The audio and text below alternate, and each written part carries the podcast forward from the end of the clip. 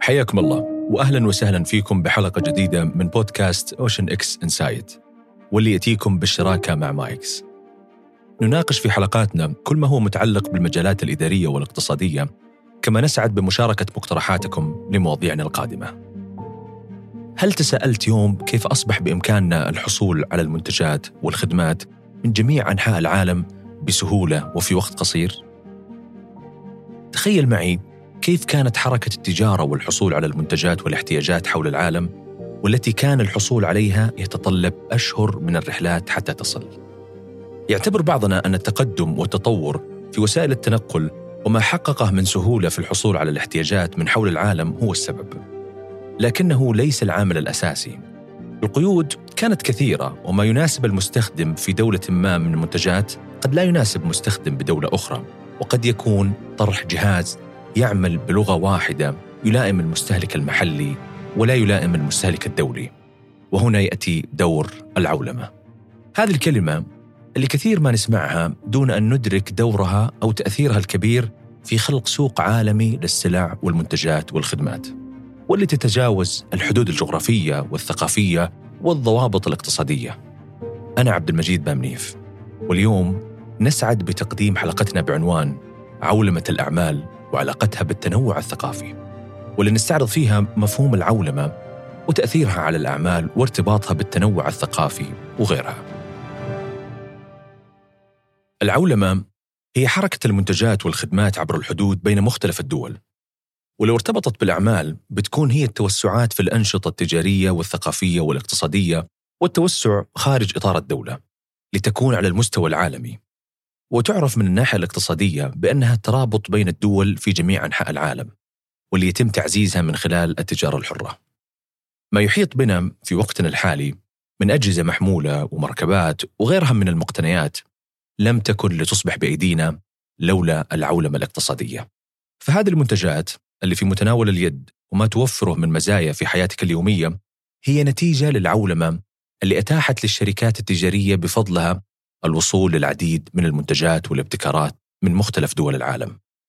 تساهم العولمة اليوم فيما هو أكثر من توفر المنتجات، لأنها تخلق ميزة تنافسية للشركات الصناعية وتسمح لها بوصول منتجاتها لملايين المستهلكين الجدد بأسعار تنافسية خارج الأسواق المحلية، لتخفض تكاليف التشغيل من خلال التصنيع في الخارج. وشراء المواد الخام بتكلفة أقل من الدول الأخرى بسبب تخفيض أو إلغاء التعريفات الجمركية وتوفر فرص العمل وتزيد من تدفق السلع ورأس المال عبر الحدود. لكن هناك تحدي يواجه بعض الدول نتيجة العولمة وهو عدم تحقيق هذه المزايا بشكل عادل أو متساوي بين الدول. فالدول الكبرى صاحبة النصيب الأكبر وعلى النقيض الدول النامية الأقل حظا في الاستفادة من مكاسب العولمة. ولهذا السبب حاولت الدول اللي قد تتعرض للضرر من العولمة بعد الحرب العالمية الأولى تطبيق بعض الإجراءات مثل فرض ضرائب الاستيراد لحماية صناعتها واللي استمرت لما بعد الحرب العالمية الثانية خلال فترة الكساد العظيم. حتى عملت الولايات المتحدة الأمريكية على إعادة إحياء حركة التجارة الدولية من خلال بعض الاتفاقيات. وعمدت بعض الدول على دمج نظام اقتصادي للسوق الحرة من خلال السياسات المالية والاتفاقيات التجارية على مدى السنوات العشرين الماضية واللي من أهم مستهدفاتها إزالة أو تخفيض التعريفات الجمركية.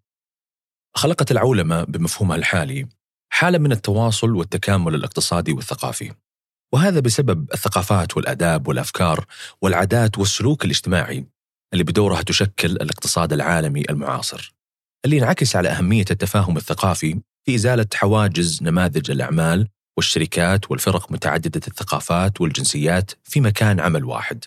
وكذلك في تحقيق التكيف الثقافي للأعمال التجارية واللي يعتبر ضروري ومهم لفهم كيفية عمل الشركات المحلية والقوى العاملة. واللي يساعد كذلك في فهم المجتمعات المحلية وعادات المستهلكين. وبجانب هذا تعمل الشركات العالمية اللي ترغب في تجاوز المخاطر الثقافية على تجنب سوء الفهم والإدراك لاختلاف الثقافات اللي ممكن يقودها للفشل وتطبق خمس سياسات لتجاوز هذا المصير وهي تكييف نماذج الأعمال العالمية مع السوق المحلي فيما يخص التسويق وعروض المنتجات الإعلانية ودراسة ممارسة الأعمال التجارية المحلية وفهم آلية عملها وخلق وإدارة التنوع بشكل يضمن التجانس في بيئة العمل ووضع إجراءات للموارد البشرية تتناسب مع احتياجات السوق المحلي. وأخيرا تحديد الاختلافات الإقليمية والثقافية الفرعية. تفرض العولمة سطوتها على السوق العالمي. وأصبحت المسار المستهدف لأي شركة تسعى للتوسع أن تكون شركة متعددة الجنسيات لها عمليات في أكثر من دولة. وذلك عن طريق تحديد ضوابط أو استراتيجيات رئيسية تلجأ كل الشركات إليها وفق أهدافها وخططها التوسعية. وأولها الاستراتيجية الدولية. وهي أشهر الاستراتيجيات اللي تطبقها شركات السيارات والإلكترونيات والتقنيات وغيرها. وهناك الاستراتيجية المتعددة المحلية والاستراتيجية العابرة للحدود. ورغم مكاسب العولمة وما تحققه من رواج للسلع والمنتجات والخدمات على المستوى العالمي بسهولة ويسر، إلا أنها تصعب من المنافسة أحيانا عند اكتساب ميزة تنافسية نتيجة التنوع والجودة وغيرها من الخصائص. واللي يجب على كل علامة تجارية أن تطبقها إذا رغبت في تحقيق التفوق في التنافسية. وهذه الخصائص هي الجودة والسعر قنوات التوزيع وتطوير المنتجات وخدمات ما بعد البيع وخدمات العملاء واختلاف تنوع المنتجات إضافة لطريقة التسويق.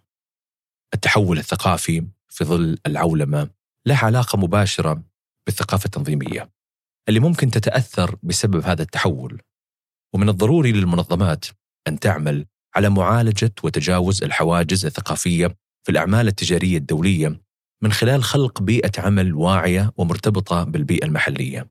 ووضع سياسات تشمل الأعياد الدينية والعادات والتقاليد وثقافة المجتمع وتعزيز التواصل المفتوح وتدريب الأشخاص على القبول والتنوع وفهم الثقافة المحلية. ويتطلب التحول الثقافي أن يكون هناك وعي بالثقافات المختلفة والقيم والمعتقدات للمجتمعات الأخرى من الموظفين في بيئة العمل. وفهم الفرق بين الأشخاص من مختلف البلدان والخلفيات لتسهيل التواصل. لا شك أن تأثير العولمة في مظاهر حياتنا اليومية بات واضحا. فجميعنا نلامس تسهيلات الوصول والحصول على المنتجات والخدمات بشكل مباشر. لكن لكل شيء إيجابيات وسلبيات. ولعل أبرز سلبيات العولمة هي تركيز الثروة والنمو في الدول الغنية والصناعية مما يضر بالبلدان الفقيرة ويصعب منافستها اقتصاديا ويحولها إلى مصدر للموارد والخامات والعمالة. بالإضافة لتحويل الثقافات والمنتجات المستهلكة حول العالم لنماذج متشابهة. وفي المنظمات يقع على عاتق القادة العديد من المسؤوليات والمهام واللي من أهمها مسؤولية القيادة مع مراعاة التنوع الثقافي في القوى البشرية. واللي تتألف من أفراد ذوي خلفيات ثقافية متنوعة. ولتحقيق هذا الهدف يجب على الشركات تشكيل فريق قيادي ناجح متعدد الثقافات يعترف ويحترم هذه الثقافات. مما سينعكس بشكل إيجابي على الموظفين ويساهم في اندماجهم بشكل فعال.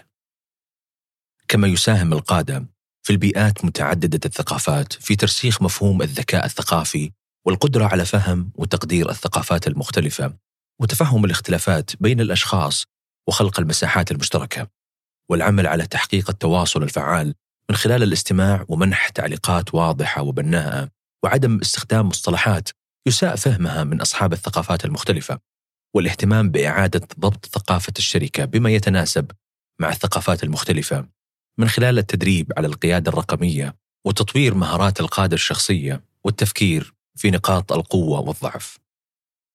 ختاما تعكس العولمة حقيقة لا يمكن تجاهلها تتمثل في اتساع نطاق التبادل التجاري والتواصل الثقافي والتكنولوجي عبر الحدود. لذلك يصبح تعزيز التفاهم الثقافي والثقافة التنظيمية السليمة ضرورة للشركات والقادة للنجاح. ومن المهم أيضا معرفة أن التحولات الاقتصادية والثقافية التي يجلبها العصر الحالي تتطلب منا التكيف والتطور المستمر. وهو اللي يتطلب التوازن بين تحقيق الأرباح والمحافظة على القيم والهوية الثقافية. وبكذا نكون وصلنا لنهاية حلقتنا من بودكاست OceanX Insight. على وعد بلقاء مقبل مميز. كما نتطلع لسماع مقترحاتكم لمواضيعنا القادمة عبر الإيميل الموجود في وصف الحلقة. فمان الله.